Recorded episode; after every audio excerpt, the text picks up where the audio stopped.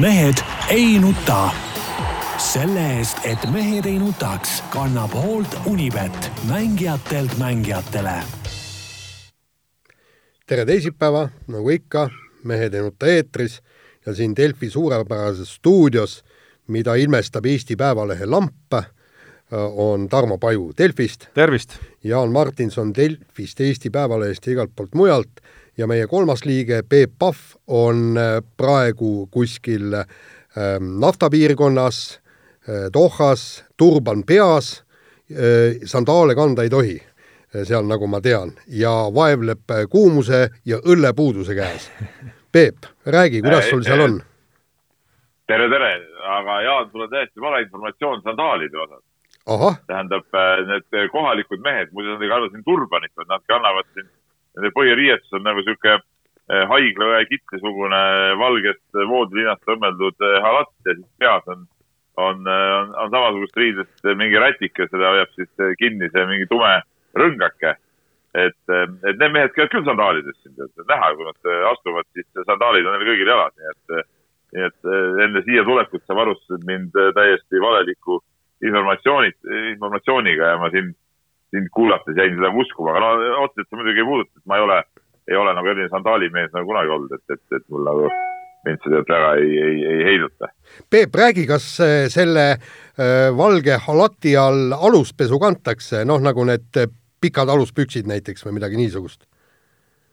ja vot Jaan, kui sa tahad, et ma mitte kunagi tagasi tuleks, me saaks kolmekesi seal stuudios olla, siis ma võiks seda muidugi kontrollida, aga, aga aga ma arvan, et ma ei hakka seda tegema. Noh. see on huvitav muidugi, huvitav et... muidugi, et kust Jaanil sellised küsimused üldse tulevad? ei no lihtsalt. et, et, et, et seda, seda šotlased ei kanna ju seeliku, seelikuga aluspesu.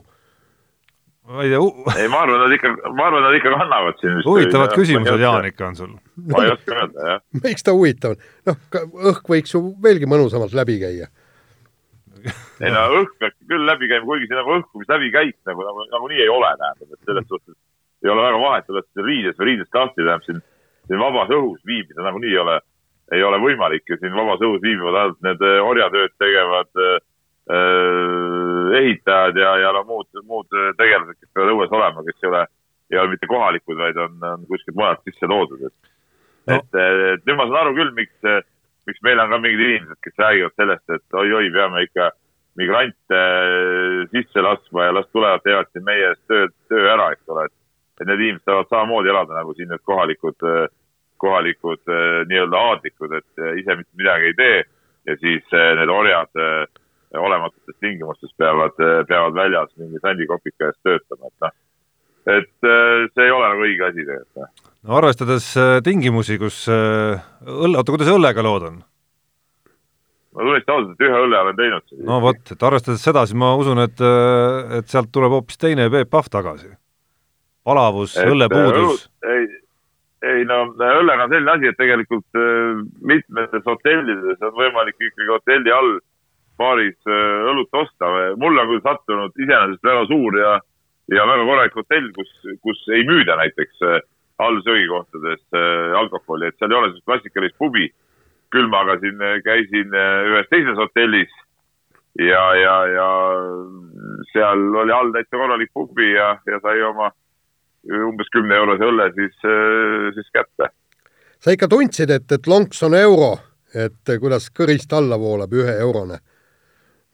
Äh, tead, ei tundnud, sest et me, see, see oli kohe sisuliselt esimesel päeval siin ja, ja, ja muu jutuajamise käigus see kuidagi nagu tuli, ei ta oli hea küll, midagi ei saa öelda.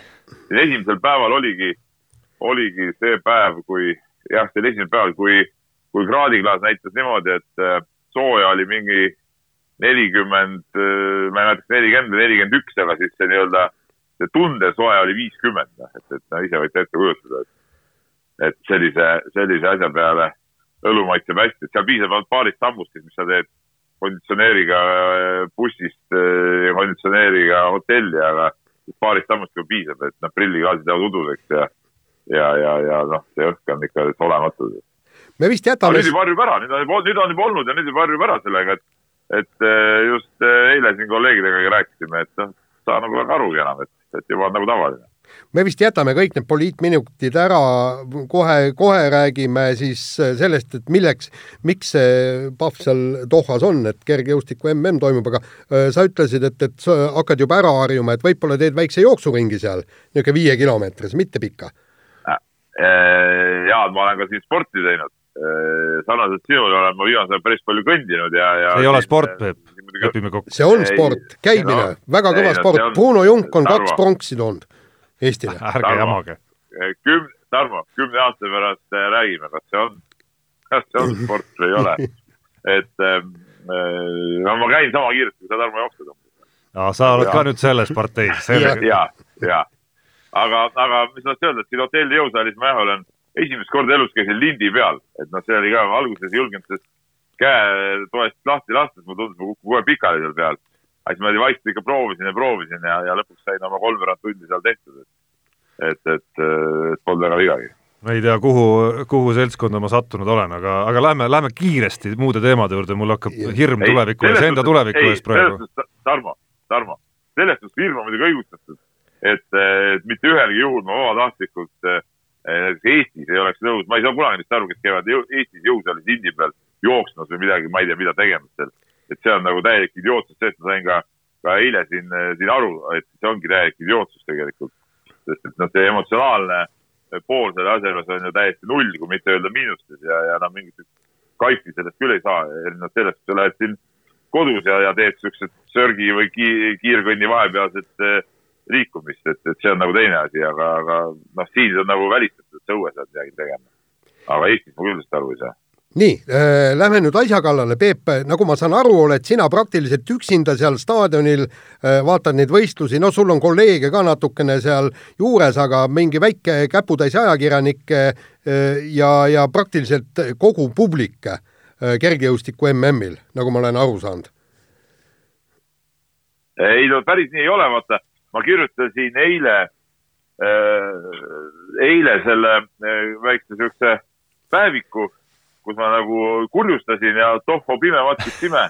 eile oli staadionil kohe märgatavalt rohkem rahvast, seal oli ikkagi üks, noh, päris pool staadionit veel täis ei olnud, aga, aga, aga ikkagi võrreld-, võrreldamatult rohkem kui, kui kahel eelmisel päeval ja põhjus oli selge, siin on, siin on kohal päris suur seltskond äh, Etioopia pikamäejooksu fänne ja nad on väga häälekad. ja, ja eile oli seal meeste viis tuhat oli, oli see distants, kus neil oli oli suured lootused ja, ja, ja, ja nad elasid sellele jooksule väga häälekalt kaasa, said kaks võidu kätte ja siis pärast seda nad hakkasid vaikselt asju kokku pakkima ja, ja, ja ära minema, et, et korraks nagu oli niisugust melu ka. aga üldpilt ikkagi, olgem ausad, on nukker, et kes natukene äh, teletööga rohkem kursis on, siis päris hoolega on valitud režissööri poolt minu arust päris tihti neid kaadreid, kus jääks mulje, et äh, mõned inimesed seal ikkagi on.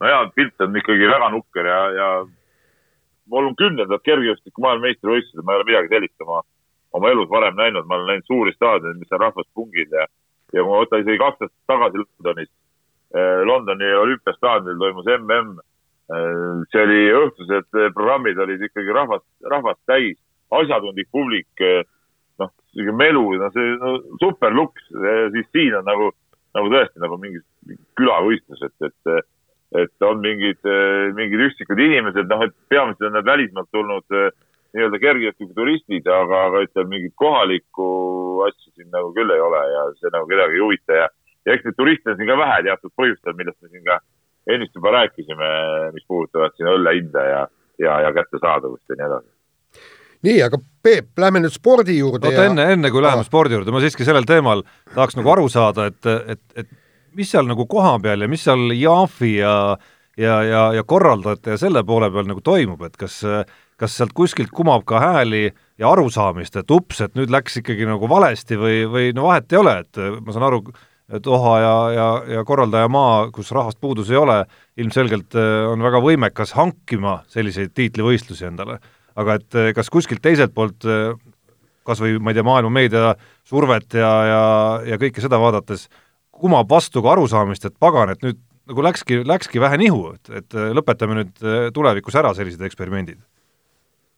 ei no, no see nihu läks juba siis, kui, kui, kui see otsus äh, tehti ja otsus tehti ju ütleme ikkagi eelmise kergejõustikuliidu, rahvusvahelise kergejõustikuliidu presidendi ametiaja jooksul, et, et, et eks loomulikult läks kehvasti, aga noh, seal on teada, et seal on ju suured korruptsiooniskandaalid on, on õhus ja, ja, ja, ja eks, eks, eks paljuski tänu sellele see võistlus siia tuli, et, et loomulikult läks valesti ja ma usun, et kergejõustikujuhid ise saavad sellest ka väga hästi aru, noh, et, et, et see asi, asi ei ole õige, aga no ega midagi pole teha ja peale selle ega, ega see Katar või, või Doha maksab ju päris, päris kallist hinda selle, selle võistluse siia saamise pärast, et, et nad on nüüd ju eh, kolmeks aastaks on nad ikkagi alaliidu suursponsorid, on siin kohalik eh, pank, et, et noh, eks see raha, raha nii-öelda räägib iseenda eest.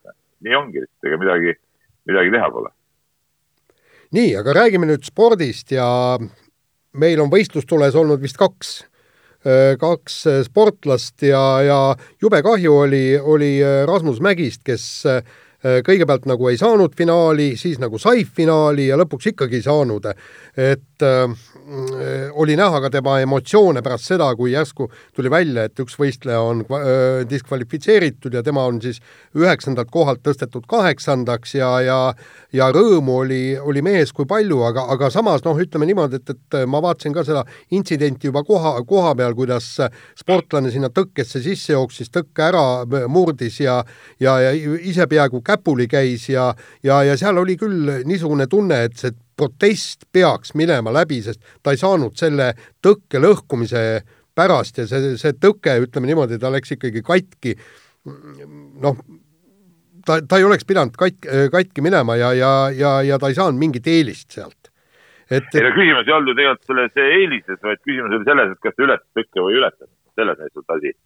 et, et eelis eeliseks, lihtsalt reeglid näevad ette, et jalg peab ju minema üle tõkke, aga, aga siin oli nagu valitses nagu alguses arvamus, et, et ta seda tõket eh, eest ära lüües nagu, et ta jalg ei eh, kerkinudki eh, üle tõkke, et selles oli teatud küsimus. ja aga vaata siin üks küsimus mul on, mäletate ajakirjanike kümnevõistlust aastate tagant ja seal olid mõned vennad, kes ju teadlikult, nad ei jõudnudki üle tõkke hüpata ja nad teadlikult ei, Jaan, ju. Jaan, Jaan, Jaan, püha müristus, ära hakka nüüd näppu ja seda sammust võrdlema. ei, ei, ma saan aru. ei, äh, vaata, mul tekibki küsimus, tähendab, kui sa jooksed kõik äh, tõkked niimoodi pikali, et, et seda sa ei tohi teha, jah? seda, seda ei tohi teha niimoodi, jah. jaa, aga Jaani point nagu teises mõttes on minu arust ka õige, et, et kui sa vaatad nüüd nagu ütleme, üks asi on jälgida reegleid niimoodi nagu millimeeter haaval, nagu see esmane kohtunik, kes äh, McMasteri maha võttis, tegi aga, aga nagu, nagu suuremat pilti, loogikat vaadates tõepoolest noh, mees ei saanud mingisugust kasu, vastupidi, ta sai nagu väga palju kahju sellest äh, sellisest tõkkeületusest. ehk siis selles mõttes äh, mulle tundus ka see lõpplahendus ikkagi väga loogiline. ehk et kui seda lugu vaadata nüüd kokkuvõttes, siis Rasmus Mägile ma ütleks, tehti liiga küll, aga liiga tegi pigem see esimene mees, kes üldse McMasteri maha võttis, nii nagu tegelikult juhtus ju ka viie tuhande meetri eeljooksudes, kus Äh, esialgu võeti mees maha, äh, Ingebrigtsen siis, ja pärast pandi tagasi. et, et see probleemi juur asub pigem nagu sealpool. ei no äh, probleemi juur ei asu ka seal otseselt, et maha võeti ikkagi selle pealt, et mees, esimene mahavõtmine tehakse ikkagi selle põhjal, et ala vanemkohtunik, no mis hinnangu ta annab sellele juhtumile, eks ole, et ta tegi selle silma järgi, talle tundus, et seal oli eksimus ja nii edasi ja võttis, võttis maha, eks ole, et hiljem ongi nagu pikem arutelu ja, ja videost vaatamine ja, ja noh, et äh, ma arvan, et siin nagu otseselt liiga ei tehtud. Tegelikult nagu kellelegi, kui siis Rasmus Mägi ainult emotsionaalselt jah, liiga, et ta noh, et talle korra tundus, et ta, et ta on juba finaalis, aga, aga noh, ütleme see tunne, tunne siis oli, oli nagu ennatlik või, või, või nagu vale, et, et noh, seal oli, tegelikult oli ju kohe karta, et seal võib mingit protestiks minna, noh, et äh, aga, aga iseenesest jah, ega, ega konkurentsi tegelikult vaatamata sellele komistusele ja, ja tõkke peal koperdamisele oli ikkagi ju, ju Rasmus Mägist kiirem, et ega siin polegi, pole midagi ütelda, et Rasmus Mägi ise ütles ka ju õigesti eh, eile ilmunud intervjuus, et, et tal on kahju, et ta ise, ise kiiremini jookseb. no just, et kui, kui vaadata eilse finaali aegu, siis seesama McMaster jäi vist mõne sajandikuga medalist ilma. ehk siis noh, tegemist on selgelt klass kangema jooksjaga hetkel, mis, mis teiselt poolt muidugi ei kahanda seda teadmist, et Rasmus Mägi tegi no ikkagi tipp-topp, äh, tipp-topp MM-i pärast sellist hooaega, nagu see on olnud. ei, absoluutselt, noh, kui vaadata korraks finaali aegu muidugi, siis jah, vist, kui ma õieti mäletan, vist seitse meest olid kiiremad kui Eesti rekord. ega, ega väga raske oleks olnud äh, sealt mingit suurt kala püüda, aga äh, noh, me kõik mäletame, eks ole, Riio olümpias, olümpial ka Lasnamägi jooksis finaalis, lõpuks oli, oli seal kuues ja noh, ütleme finaalis jooksmine iseenesest, jooksuala, MM-il olla jooksuala finaalis on juba saavutuse väärtus omaette, et selles suhtes on muidugi kahju, et Rasmus sinna ei saanud, aga, aga tervikuna mina ütlen ka, et ega, ega ma saan aru, emotsionaalselt on Rasmus Mägi võib-olla raske kõike seda taluda, aga tegelikult oli see väga hea mm tema jaoks, just, just jah, selle hooaja taustal, mis, mis probleemid ja mured seal kõik olid ja, ja millist tööd tehti, et siia üldse saada ja, ja, ja lõpuks saadi ja tegelikult ikkagi Rasmus võitles ju väga väärikalt ja üheksas koht. minul on ainult see küsimus nüüd, et, et samas see kuulus EOK Eh, palgasüsteem ja, ja see raha jagamissüsteem, ma tean, Rasmus Mägile endale ka ei meeldi see, see raha jutt ja tegelikult ta ütles kohe ära, et noh, sellest on nii palju räägitud, et, noh, et, et ei ole mõtet see õli väga tulle valada, aga ma ikkagi peaksin ütlema, et, et, et kui see ettevalmistusraha on mõeldud ju nendele, kel, kel, kellel on olümpial nagu mingid lootused jõuda kõrgele kohale, eks ole. no, no ma ei tea, kellel siis veel peaks olema lootus olümpial jõuda kõrgele kohale, kui olümpial eelneval aasta MM-il saab sportlane kergejõustiku jooksualal üheksanda koha, no minu arust siin ei ole mingit juttugi, igal juhul peaks olema ta selle tulemusega nagu kõrgema eh, raha peal, et, et, eh, et siin peaks EOK ikkagi nüüd nagu märgatavalt paindlikumaks muutuma.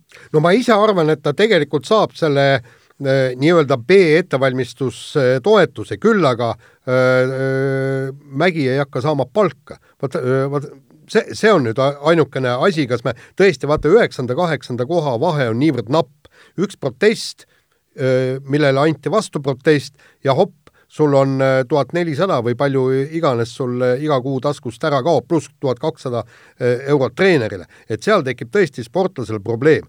ja, ja nüüd Peep, räägi mulle, kas, mida sa arvad, kui me vaatame seda neljasaja tõkkejooksu taset, nagu Tarmo siin ütles, seitse tulemust paremat kui Eesti rekord, et äh, millised võimalused on Rasmus Mägil olümpial pääseda finaali ja seal võidelda kõrge koha eest, ehk siis joosta paremini kui tema ehk endale ehk siis joosta ikkagi neljakümne kaheksa sekundi algusesse, ilmselgelt. vähemalt. no eks mingi võimalus ikkagi on ja selle nimel ju tööd tehti, aga, aga see hooaeg läks selles mõttes natuke raiku, et noh, nagu Rasmus ise ütles, et neil oli plaanis siin proovida ja katsetada mingeid erinevaid äh, asju, aga mida ei saanudki täpselt nagu teha nende haiguse ja, ja hilisema vigastuse tõttu.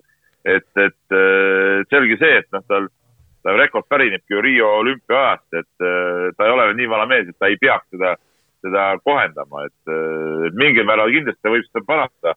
noh, kas ta nüüd medalikandidaat on, seda, seda on nagu raske uskuda praegu, et see eeldaks nagu, nagu liiga tohutut arenguhüpet, aga küll aga ütleme, finaali pääsu võimalus on igal juhul olemas, noh, kui ta on jooksnud olümpiafinaalis juba korra jooksnud, seekord jäi esimesena välja, no miks ta ei peaks siis eh, järgmine aasta olema üks, eh, üks soosik sinna finaali pääsuks ja, ja minu arust juba see finaali pääs iseenesest oleks juba, oleks juba väga kõva asi, et, et eh, noh, seda ei saa siin võrrelda, noh, see on, see on ikka, see on spordiala, mis on kergejõustik, on ikkagi midagi muud kui siin, ma ei tea, mõni, mõni muu ala.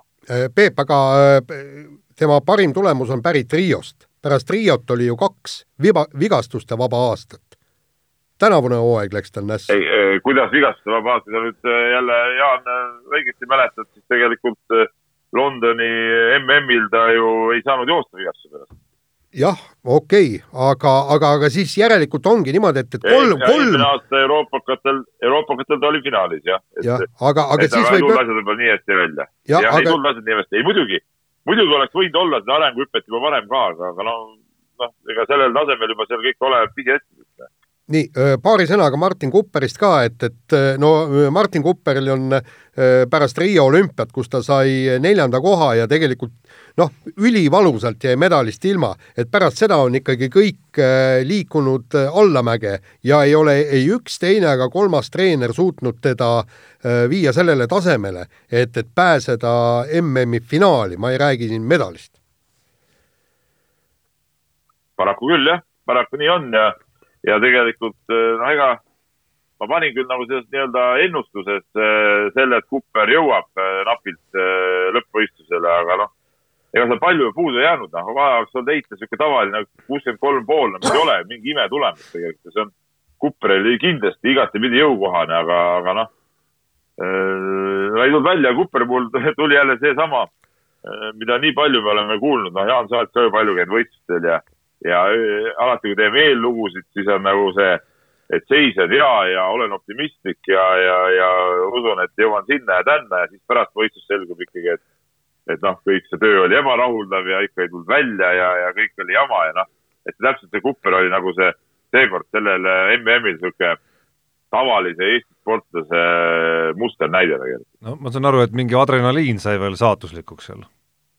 Ja et oleks võinud aga... joonistama hakata, aga, aga näed, otsustas hoopis ketast heita ja see läks nihu, aga joonistamine oleks ilmselt paremini Aa, välja tulnud. no vot, seda ta rääkis võib-olla kuskil televiisoris. jaa, televiisoris. seda niimoodi kirjutavale meediale adrenaliini juttu ta nagu ei rääkinud et aga, aga Peep, aga muidu on tegelikult ju äh, see mm, kui me vaatame võistluste poolt, on, on päris äge, tähendab äh, eile ma sain äh, tähelepanelikult jälgida, jälgida eilne päev, eilne õhtu oli ju suurepärane. no eilne õhtu oli selline, mis, mis, mille pärast nagu tasub staadionil olla ja, ja miks kergejõustik on nii, nii kõva spordiala, et kõik need finaalid, mis olid, olid, olid ägedad, olid, olid põnevad, noh ütleme, absoluutne nael oli muidugi naiste kõrgushüpe, noh, see oli ju täiesti uskumatu, kuidas äh, tuli just septembris kaheksateist aastaseks saanud Ukraina tüdruk tuli, tuli ja, ja, ja hüppas ja hüppas ja hüppas ja lõpuks hüppas isegi kakskümmend neli üle ja, ja sai, sai hõbemedali kätte ja, ja see, millise kindlusega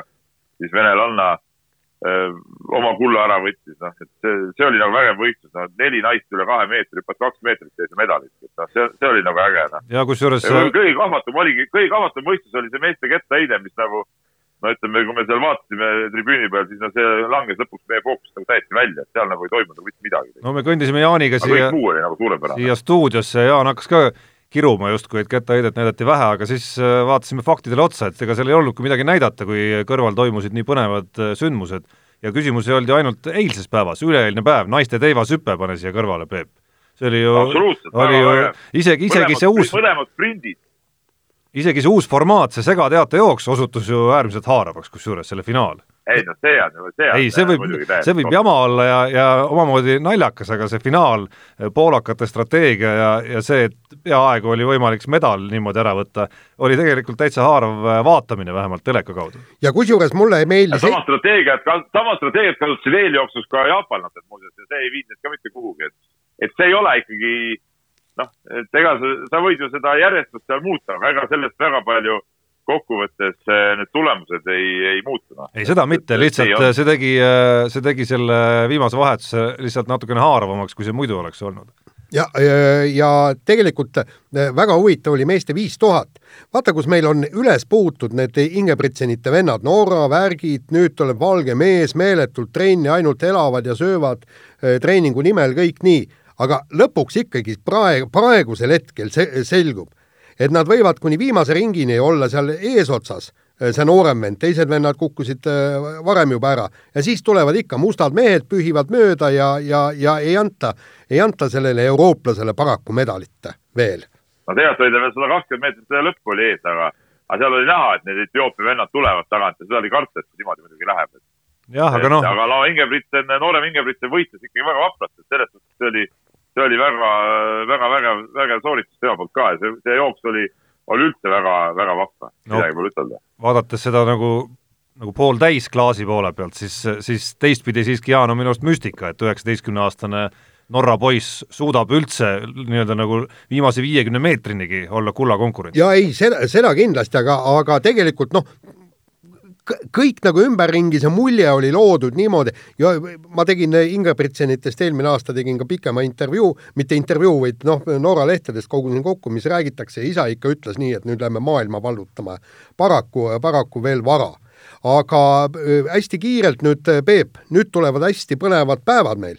kümnevõistlus ja siis odavise takkaotsa, et äh, räägi, mis meil sealt loota ja oodata on no ma ei tea, ma eile kümnevõistlejatega vestlesin, tegin tänaste lehte ka loo, et, et eks ja poisid olid iseenesest nagu väga, väga siuksed optimistlikud ja, ja, ja, ja nagu noh, väidetavalt seis on nagu hea, et kümnevõistlus võib oodata küll, sest seis on ju tegelikult selline, et ütleme, ütleme, väga suur äh, seltskond võib ju teha sinna kuskile, ütleme kohtadel seal kolm, neli, viis, kuus, seitse, ütleme, on väga-väga tihe konkurents, ütleme hea õnnetuse korral, kui näiteks Maicel Uibo suudaks tõesti võistelda siin äh, oma, oma parima, parima tasemel, siis ma arvan, et tal mingisugune väike võimalus äh, isegi äh, pronksi ehitusse sekkuda võiks, võiks olla olemas, et, äh, et siin on nagu vaadata küll ja sama asi Janek Õiglasega, et äh, noh, Õiglane ise ütles, et kui ta suudaks kuskil kohtadel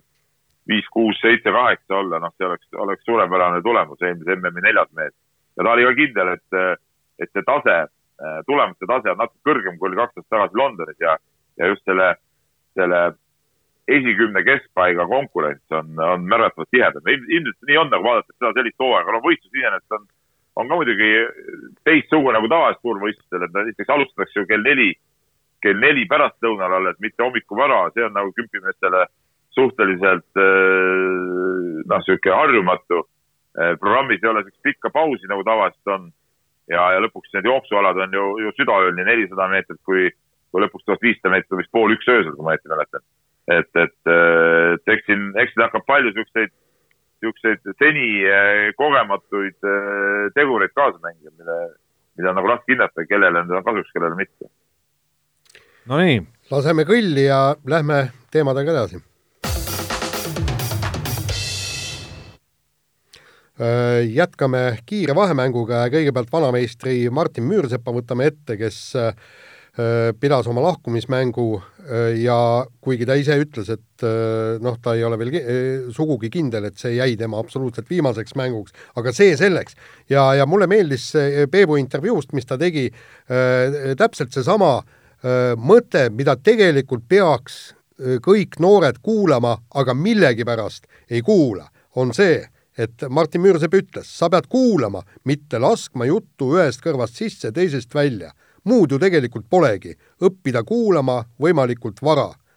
aga alguses ma seda ei osanud. Ja tegelikult lapsevanematena ja treeneritena, Peep, ilmselt sa saad ju sellest aru, et äh, aas-, kümne, viieteist, kahekümne aasta pärast tullakse su juurde, ütlesid, pagan küll, sa rääkisid täiesti õiget juttu, ainult ma ise olin loll ja mina sellest aru ei saa, mikspärast me oleme kõik nii rumalad. ma siiamaani, ma siiamaani näiteks kahetsen paari asja, mida äh, Äh, vähemalt ühte asja, mida mul gümnaasiumi kehalise kasvatuse õpetaja mulle ütles, et äh, kuhu trenni ma võiks minna, mida teha ja siis ma lihtsalt nagu no ei kuulanud teda.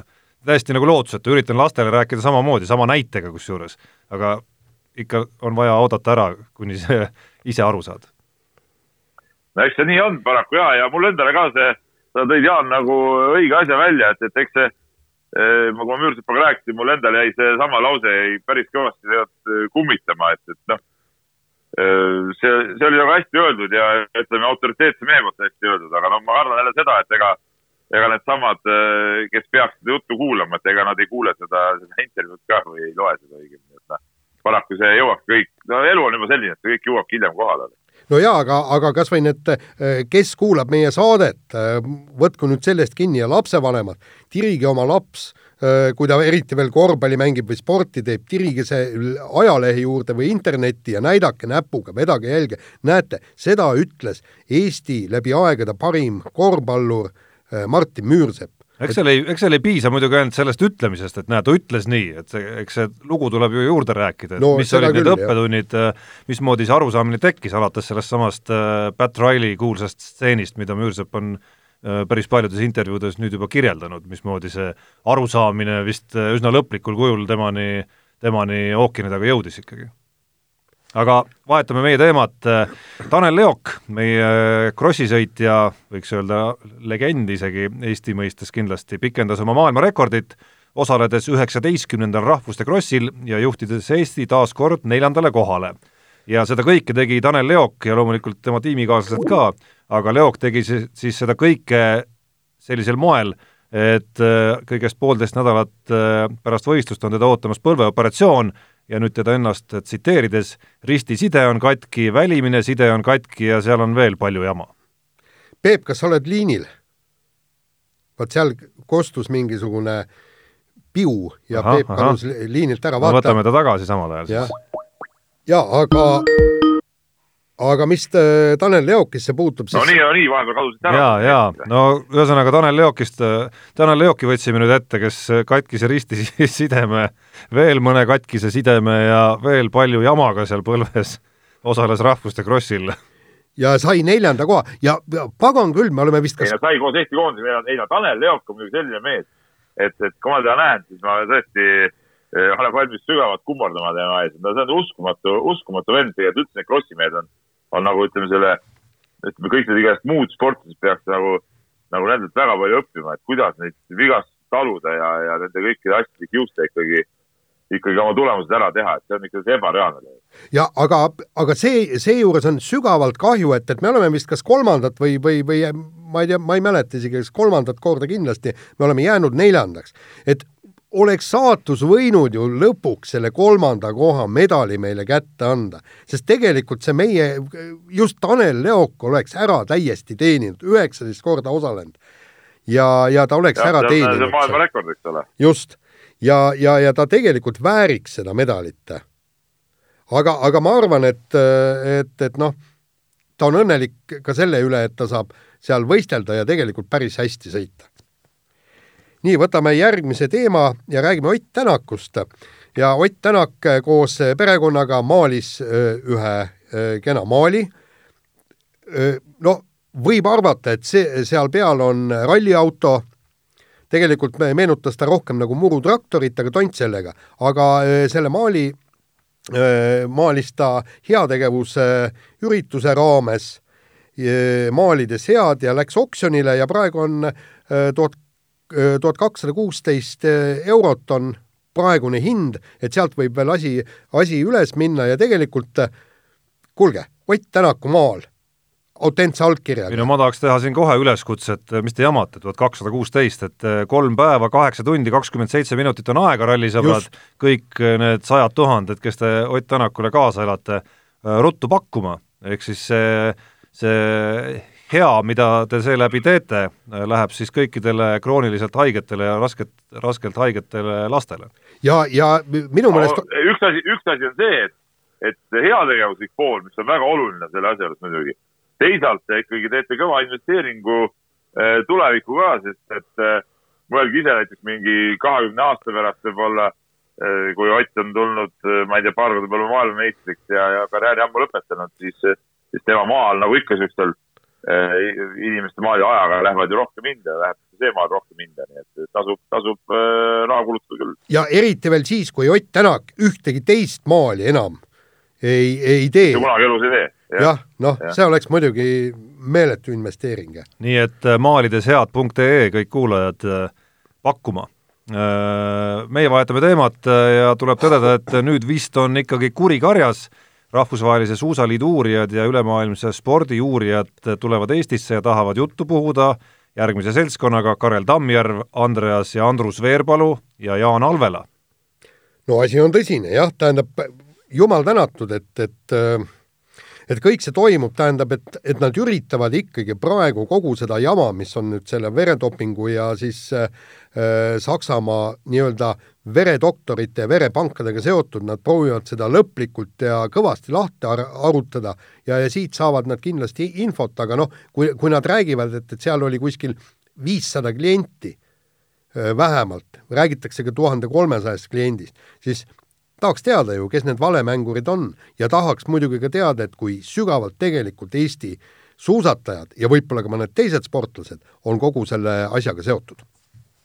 Jaa, aga kogu selle asja juures on minu arust kummaline see, et et punkt üks, et asja tulevad uurima, ütleme, Rahvusvahelise Suusaliidu ja ülemaailmse spordi uurijad, mitte ei tule nagu eh, näiteks Austria politsei, kelle uurimine oleks kindlasti nagu veel kõvem tegelikult iseenesest. ja, ja teine asi see, et kummaline on ka see, et et ütleme, meie meestel ei ole siiamaani ju mingeid äh, karistusi määratud, et, et, et äh, on ju kuulda olnud, et siin teised, kes vahele jäid, on juba oma karistust kätte saanud. No võib-olla on asi veidikene sügavamal kui, kui lihtsalt, lihtsalt see üks, üks verevahetus. no tundub igatahes, et me teame, ma kahtlustan ka oluliselt vähem kui, kui see, mis tegelikult on vahepeal toimunud, ehk siis me ei tea, kellega ja millal on Veerpalud või äh, või Alaverid või, või Tammjärved veel rääkinud vahepealse aja jooksul? Nii, aga võtame nüüd viimase teema siit äh, rubriigist ja sotsia-, sotsiaalmeedias läks väga teravaks äh, äh, plõksimiseks äh, kahe vaatenurga äh, vastasseis tekkis, et äh, ühed nõudsid, et ETV e kergejõustiku kommentaatorid räägiksid rohkem staadionil toimuvast, mis ei jõua telepilti. ehk siis, et teavitaks tulemustest samas needsamad spordireporterid Juhan Kilumetsaga ees, eesotsas väitsid, et nemad mm, kommenteerivad seda, mida tegelikult publik niigi näeb. Ja lootuses, et, et ühel hetkel siis ikkagi need heited, tõuked ja hüpped sinna pilti jõuavad ja küll nad siis kommenteerivad. see on hästi no, mitu, mitu, mitu tahku on siin tegelikult, ma eile Juhaniga rääkisin ka siin sellest koha peal natuke et ähm, kõigepealt äh, muidugi tahan seda öelda, et äh, täiesti nõme on, see näitab, miks sotsiaalmeedia on saatanast nagu. et sellised asjad üldse sinna, sinna satuvad, eriti veel, kui see mingi kolleegide vaheline kläppimine, et see on nagu, see on nagu täiesti idiootne, siukseid asju ei tohiks olla, et, äh, et, et noh, ja veel mingid kommentaarid seal, mida siin kirjutati juurde, noh, et see aeti see asi nagu laiaks, see oli nagu jama, ainuke, ainuke asjalik reageering, mis sellele kõigele ilmus, oli meie enda noorreporteri Märt Roosna intervjuu Juhaniga ja, ja see oli, see oli okeilt tehtud ja Juhan väga, väga hästi rääkis ka, et, et ega see küsimus ongi ju selles, et siin ongi täpselt kaks, kaks erinevat äh, vaatenurka ja ma arvan, et kui nad räägiks selle kõik, kõik ära, mis äh, eetriväliselt toimub, siis oleks jälle mingi hulk inimesi, kes, kes pahandavad selle peale, sellest ma olen Juhaniga enam sama meelt. kuigi ma ise oma olemuselt olen jälle selles parteis, et, et ma just rääkisin ka, et ma nagu eeldaksin, et kuna kergejõustiku pilt on selline, nagu ta on, et siis ma eeldaks nagu sellist raadiolikumat reportaaži rohkem, aga, aga ma ütlen, et siin nagu, siin nagu ei ole nagu, nagu õiget või, või, või valet asja, et, et igal juhul keegi ei ole rahul. ja, aga oota, ma ütlen siia vahele, tähendab, kogu probleem ju tõukub sellest, et et me oleme sunnitud ja, ja suur osa maailmast on sunnitud vaatama seda pilti, üldpilti, mida need MM-i ülekandjad, broadcasterid näitavad. ja siin on jällegi küsimus, kallid inimesed, me, me oleme juba aastas kaks tuhat üheksateist. mul, mul meenub, et see oli kas kuus või kaheksa aastat või seitse aastat, millal iganes tagasi, kui Euroopa Broadcasting Unioni koduleheküljel võis vaadata kergejõustiku EM-i nii, et sul on stream, sa said valida kaugushüppe, kettaheite, kõik niimoodi ja sa sa näedki ilma komme-, kommentaarideta, sa näed seda pilti, see oli kõik tasuta. et mille pagana pärast ei, ei, ei anta nüüd võimalust tõesti öö, esiteks inimestel sedasama vaadata, et ma vaatan telekast üldpilti ja ma vaatan arvutist nüüd siis seda nii-öelda võistluskohtade pealt pilti. või siis teine võimalus, miks ei anta nii-öelda ülekandjatele seda võimalust miksida seda pilti tasuta, miks peab selle eest miljoneid maksma? no eks seal on tehnilised kulud ka, mis, mis käivad sellega kaasas, oota Peep, aga ma tahtsin öelda, et ka, ka selles ühes lineaarses ülekandes saaks seda asja kindlasti oper-, operatiivsemalt lahendada, näidata mingitel hetkedel äh, sellist nagu split screen lahendust kas või.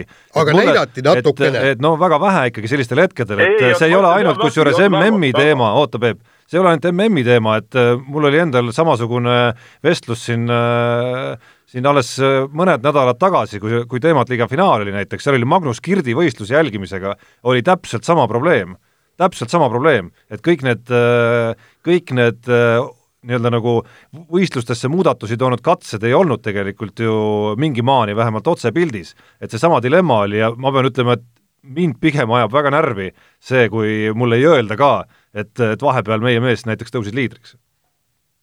aga, aga mina tribüüni peal, mul on ka teadupärast ekraan ees ja ma näen nagu pilti. ja ma olengi seekord vaadanud nagu seda üld, üldkanalit ja seal on küll väga tihti on nii, et pilt on nagu kaheks löödud ja, ja näidatakse näiteks, kui ühel, kui jooks käib, siis samal ajal näidatakse, ütleme, jooksev väiksemast pildist, suuremast pildist, siis natuke seda mõnda väljakule katset, et kas siis seda, ütleme, Eestis telepildis samamoodi ei ole näha seda väga tihti, pidevalt nagu. no võimalik, et see lõpuks ongi nagu režiitöö küsimus, et noh, see antus, antud vaidlus läks ju lahti sellest, et Kristjan Tayloril kolmikhüppes oli otsustav kolmas katse, et kui ta seal ka nulli saab või ebaõnnestub, siis on suursoosiku võitlus läbi, et noh, ütleme, tark režissöör sellel hetkel oleks mingis väikses raamis kas või selle katse suutnud ikkagi ekraanile manada, sest see oli staadionil toimuvatest asjadest üks olulisem, mida oleks võinud näidata. ja teine asi, mis nüüd ja ma ei mäleta, ma ei mäleta, kas seda hetke meil ka näitas kahe, kahe selle peale, aga, aga aga muidu siin on päris tihti seda jah, tehakse aga, aga nüüd, mis meie kommentaatoritele tahaks öelda, on see, et eile just oli see, et, et kettaheidet ei näidatud absoluutselt üld, üldse mitte midagi pärast takkajärgi me saime teada, et seal tõesti mitte midagi ei toimunud. tegelikult Elar Osila hoidis minu arust kätt pulsil ikkagi sellel, täitsa okeilt. jaa, aga sea-, sealt tuleks nagu tihemini öelda, et näete, et kettaheitest ei ole praegu mitte midagi rääkida. ja ma tahaks teada, mis nüüd hakkab kümnevõistluse puhul tulema, kui palju me neid kümnevõistlejaid üldse telepildis punkt üks näeme ja punkt kaks no jooksualasid näete kõiki jooksualasid näeme küll kõiki jah, aga, aga kuidas on äh,, kuidas on äh, väljakualadega ja seal ju noh, tõesti, seal, seal on nüüd see põnevus on küll sees. vaevalt, et, äh, et nad hakkavad näitama tõesti meil kaugushüppe tulemusi, kui meie mehed panevad seal midagi seitse viiskümmend, seitse nelikümmend, mis on täiesti okei tulemus, on ju, eriti veel pärast kahte nulli. et vot selle info tahaks küll kiirelt kätte saada aga siin mul on ainult üks soovitus kõigile, kes tahavad infot kiirelt kätte saada. tulge kohale. Delfi otseblogi ei, ma mõtlesin, et kohale ikka tahtsid meelitada. aga see on veel parem soovitus, Peep, nüüd paneme siit, siit siis käima väikese reklaamipausi. Unibetis saab tasuta vaadata aastas enam kui viiekümne tuhande mängu otseülekannet. seda isegi mobiilis ja tahvelarvutis. Unibet, mängijatelt mängijatele nii, Tarmo ja sa oled Unibet nüüd? ma olen nüüd kõigepealt Unibet äh, ja uurin, äh, kuidas äh, minu kallitel kaasvõitlejatel on läinud oma konto saldo kasvatamine nädala jooksul. kasvatamine ei õnnestunud, see, see-eest kahandamine õnnestus suurepäraselt. ka mul on väike kahanemine toimunud, aga, aga mitte väga märkimisväärne. no ma lootsin ka Kirdi peale, ma, või mitte Kirdi, vaid Kupperi peale, mõtlesin, et ikka venitab finaali välja, aga ei muhvigi ja, ja seal oli veel ka äh, veel ka mõned, mõned kehvemad äh, panused äh, panin, noh, jah. selge, minul on mõne euro võrra õnnestunud äh, saldot kasvatada, ehk siis kahesajast kahesaja kolmekümne seitsme koma seitsmeteistkümneni on hetkesaldo ja selle kasvatamise osas andis panuse VTB liiga mäng BC Kalev Cramo ja Himki vahel, võin vihjeks öelda. okei okay.. nii, aga mida uut? Mida uut, äh, kaks Mehed ei nuta eripanust on äh, Unibetis hetkel nähtavad, äh, mõlemad puudutavad siis meie, meie kõige suuremaid lootusi, mis meil kergejõustiku maailmameistrivõistlustel on ees veel ootamas, kümnevõistlejad ja, ja siis loomulikult odav ise. Ja kümnevõistluses saab siis meie eripanustena ennustada juba hetkel Maicel Uibo, nii Maicel Uibo kui ka Janek Õiglase medalivõitu või siis mitte medalivõitu ja see see positiivne pool seal on Uibol üks koma kümme ja õiglasel üks koma null viis, et ei võida, ehk siis et võidab medali, on Uibo koefitsient viis koma null ja õiglasel seitse koma null. ja, ja kui, kui panna mõlemad korrutada läbi, palju siis tuleb, viis kord seitse, kolmkümmend viis, eks ju. ja, ja, kui, ja miks mitte, hõbe ja pronks. ja paned äh, sada eurot peale, pappi tuleb. väga lihtne. väga lihtne ja Magnus Kirdi koha peal äh, on siis võimalik ennustada erinevaid äh, äh, nii-öelda erinevaid saavutusi või erinevaid faase, kuhu Magnus Kirt lõpuks pidama jääb. ehk siis see, et ta jõuab eelvõistluselt edasi, selle koefitsient on üks koma null viis, et ei jõua, on seitse koma viis, medalivõidu koefitsient on üks koma kolmkümmend viis ja kullavõidu koefitsient on kaks koma seitsekümmend viis. no vot, ja paned kaks medalit kümnevõistletele, korrutad veel kaks koma seitsekümmend viis läbi ja, ja paned sada eurot peale, vaat siis tuleb pappi, veelgi rohkem. no nii, Peep sai nüüd ka häid mõtteid. Jaani mõttemaailmas küll mitte midagi muutunud. no aga kas, aga kui, miks see võiks nii juhtuda, kas sa oled pessimist või? aga Jaan, mul on sulle seda, seda, seda kuulates praegu on, on sul mulle veel üks parem pakkumine no.. nimelt äh, üks äh, Unibetiga seoses oli ka üks kaubanduslik teadaanne meil öelda ja nimelt on seal üles läinud ka üks selline mäng, mida ma algul ei uskunud, et see isegi nagu tõsi on. ehk siis äh, see on selline mäng, millel on nimeks meistrite mäng kus, mis koosneb kuuest meistrite liiga teemalisest küsimusest ja kes paneb kõik kuus õigesti, saab sada tuhat eurot. ma mõtlesin, et mingi konks on seal. ei olegi, nii et sul on veel lihtsam sinu võimete juures ma arvan, need ära ennustada. täna õhtuni, kui meistrite liiga mängud lahti lähevad, on võimalik osaleda seal. muud vaja ei ole kui Unibeti konto. see kõlab kahtlaselt. kõlabki kahtlaselt, ma mõtlesin ka, et mis jama see on. aga tead, võib-olla see ongi niimoodi, et nii lihtsad küsimused. ei, seal ja... olid päris rasked küsimused, a la mitu väravat kuskil lüüakse ja mis tulemusega täpselt keegi võidab kedagi ja nii edasi. okei okay kuule, see on aga huvitav. sinu võimete juures Ai, tundub see lihtne muidugi. ei, tähendab, küsimus pole minu võimetes, aga ma olen optimist. nii et võib-olla, ei, seda mängin kindlasti. sada tuhat ei, ei tee paha. nii, aga läheme kirjade juurde, suur au, Peep, ma tänan sind äh, on äh, siin kirjade rubriigis natukene möllata, tuletame meelde, et men.delfi men.delfi.ee on see aadress, kuhu saab meile kirjutada ja samuti meie Facebooki lehe postkasti ja kirju on äh, no loomulikult taas kord hästi palju ja kellaaeg muidugi halastamatult tiksub meile kuklasse, aga siiski käime mõned, äh, mõned olulisemad läbi, loomulikult ei saa me jätta markeerimata äh, Äh, ja seda on meile ära märkinud ka üks meie kuulajaid, kes on tituleerinud ennast muidugi väga huvitava nimega Leopold Ludwig von Käpard, äh, aga see selleks, äh, on ta ära märkinud, et TLÜ Kalevi korvpallimeeskonna nimekirjast võib tänavu leida mehe nimega Margus Pahv, oletab, et tegemist on sada üks protsenti Vasalemma mehega ja küsimus on, kas Vasalemma inimeste jaoks on tegemist imega nagu mürka pääs NBA-sse Äh, tähendab, esimene pool vastab tõele, muidugi on sada üks protsenti osa meest, teiseks no see on ju asjade loomulik käik, et ei olnud see äh, mürka pääs NBA-sse mürka jaoks äh, ime ja ei ole see seal kuskil pingi otsa peal esialgu istumine ka mingi ime. Peep... asjad liiguvad normaalses su suunas. kes on kõige kõvem Vasalemma sportlane läbi aegade? no ütleme, kui me räägime klassikalistest spordialadest, ma arvan, Peep Koidu liidu meistrivõistluste hõbe teatesõidus ja suusatamises. okei okay..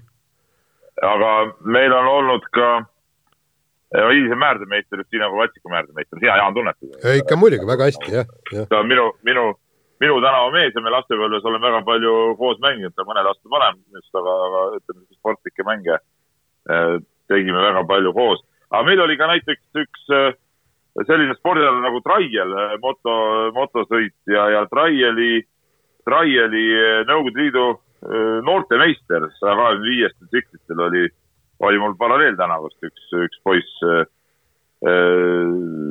Jah, vist oli Nõukogude vist jah, et, et see Traiel oli Eestis muidu, või Eestis Lasnamäes hästi populaarne, meil oli alati tihti seal võistlusi. paljud Lasnamäe mehed käisid oma toona tänavasõidutsüklitega, massoodide ja, ja, ja igast siukeste pillidega seal sõitmas, aga no tema sõitis siis juba nii-öelda nagu motokrossi rattaga seda spetsiaalrattal. muidugi ei, ei sarnanenud kuskilt otsast praegusele Traieri spetsiaalrattale. aga niisugune mees oli olemas meil oli ka kardisõitjaid ja noh, niisuguseid spordimehed ikka olnud. No vot, võimas. küsimus number kaks äh, ja see tuleb äh, meile Soomest kirjutanud Villemilt, ta küsib tegelikult äh, väga palju asju, muuseas hoiatab sind ja ta nimetab sind, ma tsiteerin nüüd täpselt, liiklushuligaan Pahvi et kui järgmisel aastal Soome rallile on minek, siis tema teada trassil Oulu-Jyväsküla lahti on nüüd esimesena Soomes võetud kasutusele keskmist kiirust mõõtvad kiiruskaamerad. see on täielik õudus, ma olen nendega kokku puutunud Inglismaal. Et ettevaatust sulle, Peep, siis kui sa sinna järgmisel aastal minema hakkad, aga kirja lõpetuseks küsib ta küsimuse, mida ma tahaks siin äh, ka eetrisse tuua, et kes on läbi aegade parim rallisõitja statistika kohaselt ehk lööb aga Villemi arvates äh, kaheksakümnendatel, üheksakümnendatel oli konkurents hoopis midagi muud.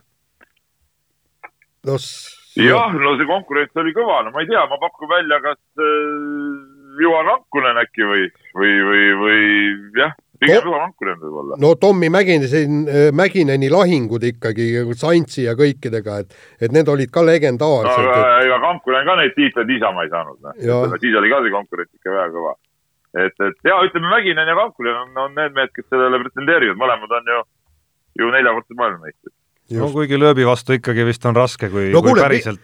jaa, aga, aga, aga selles suhtes on nagu õige, et, et lööbi valitsemine, okei okay,, lööb oli nagu, nii nagu Ossier praegu ütleme, aastaid oli, olid nagu siuksed nagu peaaegu teistest üle, aga see üldine konkurents või üldine tase nagu ei, ei olnud nagu nii kõva, et, et, et, et olid ajad, kui ikkagi, kui ikka see konkurents oli nagu tihedam või ühtne ja vaatame aastaid aga, oli aga muidugi erinevatel aegadel sõitnud mehi on raske hinnata. raske hinnata selles mõttes, et äh, kunagi, alati võib ju vastu vaielda, et äh, nende ajal, Kankuneni ja nende ajal, lihtsalt ei olnud lööbi, kes oleks kõikidest sellest äh, hästi võrdsest seltskonnast olnud veel peaaegu üle.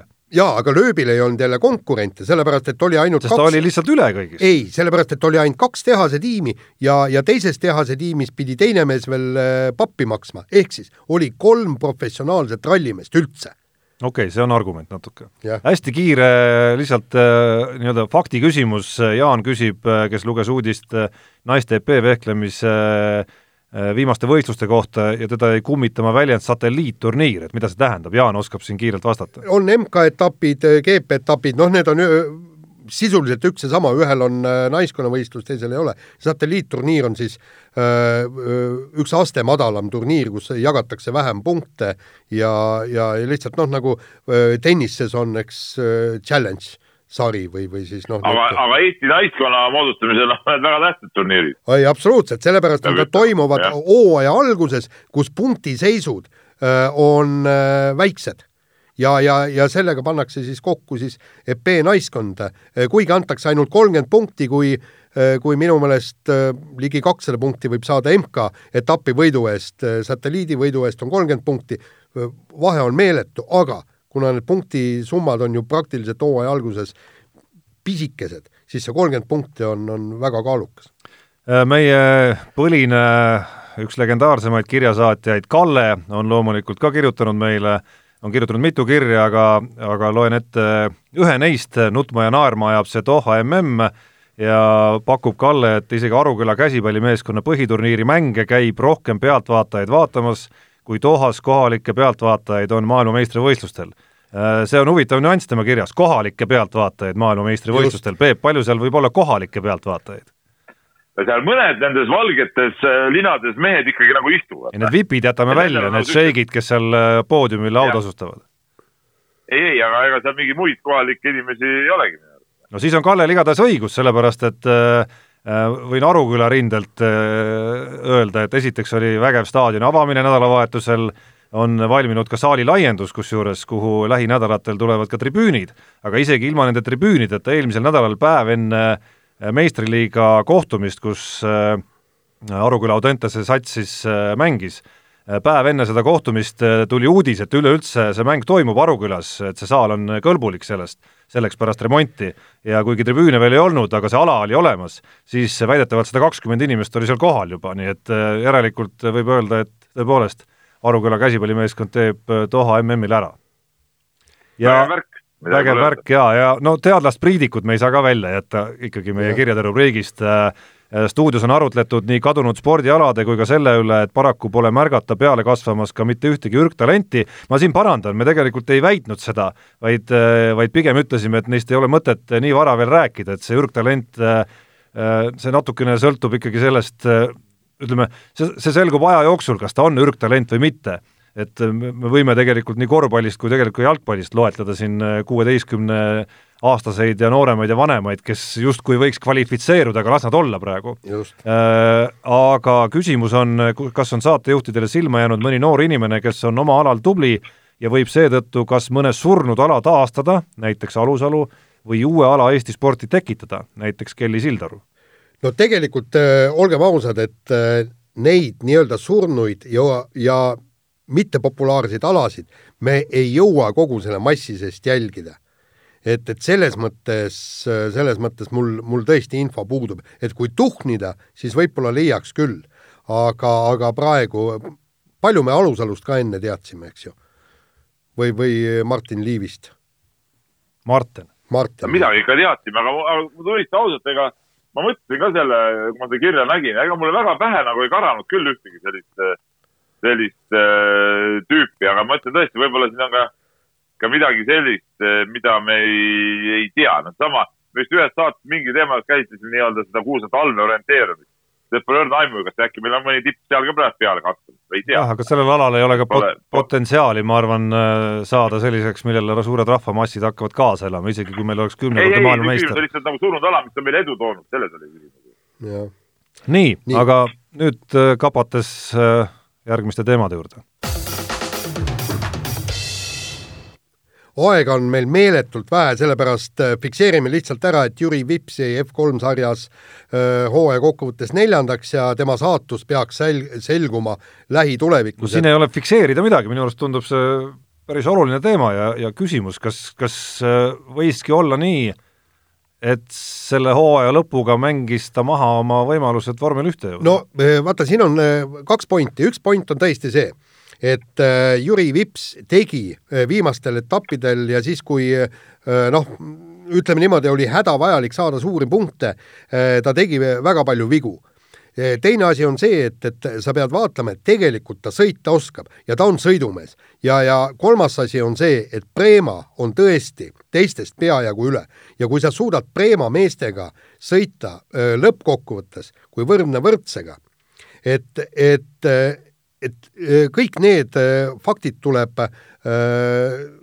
ette võtta, kui sa teed otsuse, kas ta saab jätkata F1 poole pürgimist või ei saa. sellepärast, et oleks Vips istunud Preemas, oleks ta rahulikult kolme sekka tulnud.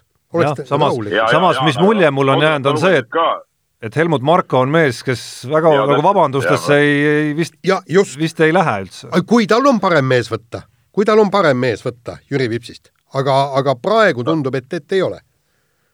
no aga see Helmut Marko intervjuu eilne, mis meile Gunnar tegi ja, ja, ja avaldus meil, see ei jätnud küll nagu erilisi lootusi nagu, et seal midagi, midagi väga võiks äh, välja joonistada, et ma nagu intervjuud lugedes ma nagu, nagu kuidagi nagu enda kõrvus kuulsin seda äh, kritiseerivat hääletooni või, või seda kuidagi nagu seda tausta nagu, et, et see, see ei jätnud nagu küll nagu mingeid väga, väga suuri optimismipuhanguid. jaa, aga, aga et, et kõik läks nagunii, vaata, Jaan ei taha ju palastada, aga nagu me oleme rääkinud, kõik läks nagunii ikka nagu meie autosportlastel läheb alati, kui midagi on tarvis lõpuks vormistada, siis see jääb nagu vormistamata ja ei no põhimõtteliselt ta nii on, aga ma, ma veel kord äh, räägin, äh, kui Preema auto juurde tuleme, äh, Schumacheri poeg Mikk Schumacher eelmine aasta võitis Euroopa F3 ära, eks, ka muidugi Preemas sõites kõik, nüüd sõidab F2, pole poissi kuskil et see, see näitab. jaa, aga Helmut Marko ütles, et need eksimused ei olnud seotud autoga. just, ei, ma, ma olen, Peep, ma olen äh, täiesti nõus, punkt üks, äh, Helmut Marko peab äh, jätma endast kurja mulje ja punkt kaks on see, kui tal on parem mees võtta, selge, loomulikult võtab parema, kui tal paremat meest ei ole, siis loodetavasti jätkab ta Jüri Vipsiga kiire teemavahetus. suure võimaluse ah. mängis Vips igatahes maha praegu, noh. jah, seda kindlasti, seda kindlasti. jah, seda nukram oli kusjuures lükates teemavahetuse edasi, et selle sõidu, sellesama saatusliku sõidu, ehk siis eelviimase sõidu nagu nii-öelda nagu käekirja või käsikirja vaadates oli just nagu võimalus see aken kuidagi nagu ava, avanenud ikkagi. tõsi, seal jäi muidugi õhku alati variant, et Prema oleks, nagu ta hiljem tegigi, oleks ikkagi mänginud Vipsi põhikonkurendile nii-öelda nagu tiimitööna veel Vipsile käru, eks ole, et lõppkokkuvõttes see tundus sellel hetkel, kui ta oma, oma saatusliku tagasi, otsasõidu tegi, tundus natukene juba nagu läbimäng jaa, aga, aga ta e, ilma selle otsasõiduta e, ka suure tõenäosusega oleks neljandaks jäänud, punktivõjad olid nii suured, et ta tegelikult eelmistel etappidel, kus ta punkte ei saanud, seal ta tegelikult mängis oma võimalused maha. nii, nüüd kiire teemavahetus, WC Kalev Cramo korvpallimeeskond alustas nädalavahetusel oma VTB ühisliiga hooaega, käisin ise Saku Suurhallis vaatamas seda kohtumist BC Himki vastu, mis arvestades Kalevi koosseisu selles mängus, ma pean ütlema, oli oli iseenesest isegi üsna okei okay vaatamine, aga küll ei ole okei okay see üldpilt, mis praegu BC Kalev Cramo korvpallimeeskonna ümber toimub, ehk et äh, sealsamal mängul kolm legionäri istusid platsi kõrval ja tänaseks äh, ma nüüd jään vastuse võlgu, kas ka füüsiliselt kõik kolm, aga vist ka füüsiliselt kõik kolm on meeskonna juurest lahkunud, üks uus mees ja ka teine uus mees on tulemas mõlemad sellel nädalal, nii et korralik kaos on Eesti parimas korvpalliklubis hetkel no eks see oli teada, et kui raha on vähe, siis need eh, valikute loteriid on ka, ütleme, rohkem loteriid, eks ole, ja, ja, ja ja tehti valikud eh, nende võimaluste piires, mis on ja, ja paraku need seekord nagu ei läinud täppi, noh, et on, tegelikult on hea, et nad, et eh, suhteliselt kiiresti reageeriti, ei hakatud üldse nagu üritamagi äh, mingit, ma ei tea, mingit imet seal korda saata nende vendadega, et, et praegult veel äh, jõuab olukorda parandada jah, noh natuke, kui me meenutame eelmist aastat, et mismoodi Kalev Cramo äh, kuidas BC Kalev Cramo edule üldse vundament laoti, okei okay,, rahalised võimalused olid natuke paremad, aga hooaja lõpus, ma ei tea, Peep, kas sa mäletad seda artiklit Eesti Ekspressis, kus kirjeldati seda värbamisprotsessi, milles väga olulist rolli oli ju mänginud ka too ameeriklasest abitreener Kalev Cramo meeskonnas ja tema kontaktid, ehk et natukene on nüüd selle hooaja algus, mul on tunne, näidanud ka, ka võib-olla seda kitsaskohta natuke, mis puudutabki oskust värvata ja ja neid kontakte ja võib-olla kõike seda poolt, aga ma natuke spekuleerin siin võib-olla äh, asjade üle, mille puhul ma väga täpselt ei tea, kes seal täpselt millega tegeles, aga noh, tulemus antud juhul natukene nagu räägib seda. nii, aga võtame siis kiirelt viimase teema, äh, sõidan homme Walesi jälgimaks äh, Walesi rallit ja seda, mida teeb Ott Tänak. punktivahe on Sebastian Ogier'ga kokku sulanud, palju see on, kaheksateist punkti vist äh, vahet? võib-olla ka, oli ka seitseteist, aga või võin kiirelt üle kontrollida. seitseteist jah et äh, ütleme niimoodi, et äh, kõik need kolm viimast etappi on otsustava tähtsusega, et, et, et kui praegu palutakse öelda, et, et mis seis on pärast Walesi rallit, siis ma, vot siin ma ennustama ei hakka. ma pigem ennustaksin seda, et, et kaks meie kümnevõistlejat tulevad medalile kui, kui seda, et, et milline on punktivahe Osieega pärast Velsi rallit? no praegu tundub, et tegelikult Oti jaoks äh, prognoosid on positiivsed, vihm hakkab sadama ja ees on niimoodi hea sõita ja, ja, ja selles suhtes on kõik, kõik kaardid on nagu ikkagi, ikkagi Tänaku käes. Äh, tead, ma, üks, üks mõte tuli mulle ikkagi pähe nüüd äh, viimastel päevadel, on see, et vaata, eelmine aasta, kui Ott Tänak oli ikkagi suures mängus sees, siis viimastel rallidel sõitis äh,, ei olnud tal midagi kaotada. tal oli pea tühi, kas ma sõidan hästi, võidan ja, ja siis võib-olla õnnestub tulla maailmameistriks, aga nüüd on tal kaotada küll. tal on kaotada liidrikoht ja tal on kaotada MM-tiitel. ma arvan, et see ongi see kõige suurem küsimus, mis on siin hooaja lõpu rallidele jäänud, et nüüd on ta selle, selles olukorras, kus noh, kas või Neville on äh, põrunud äh, mõnelgi korral varasemalt oma karjääris, et seda enam, mis toimus eelmisel rallil, kus tõesti see, kes temale survet peale paneb, on mitte Neville, vaid äh, Sebastian Ogier. Et kuidas ja, vaim kestab? pinged on hoopis teistsugused ja sõitja, sõitja on hoopis keerulisem see on, see on nagu selge.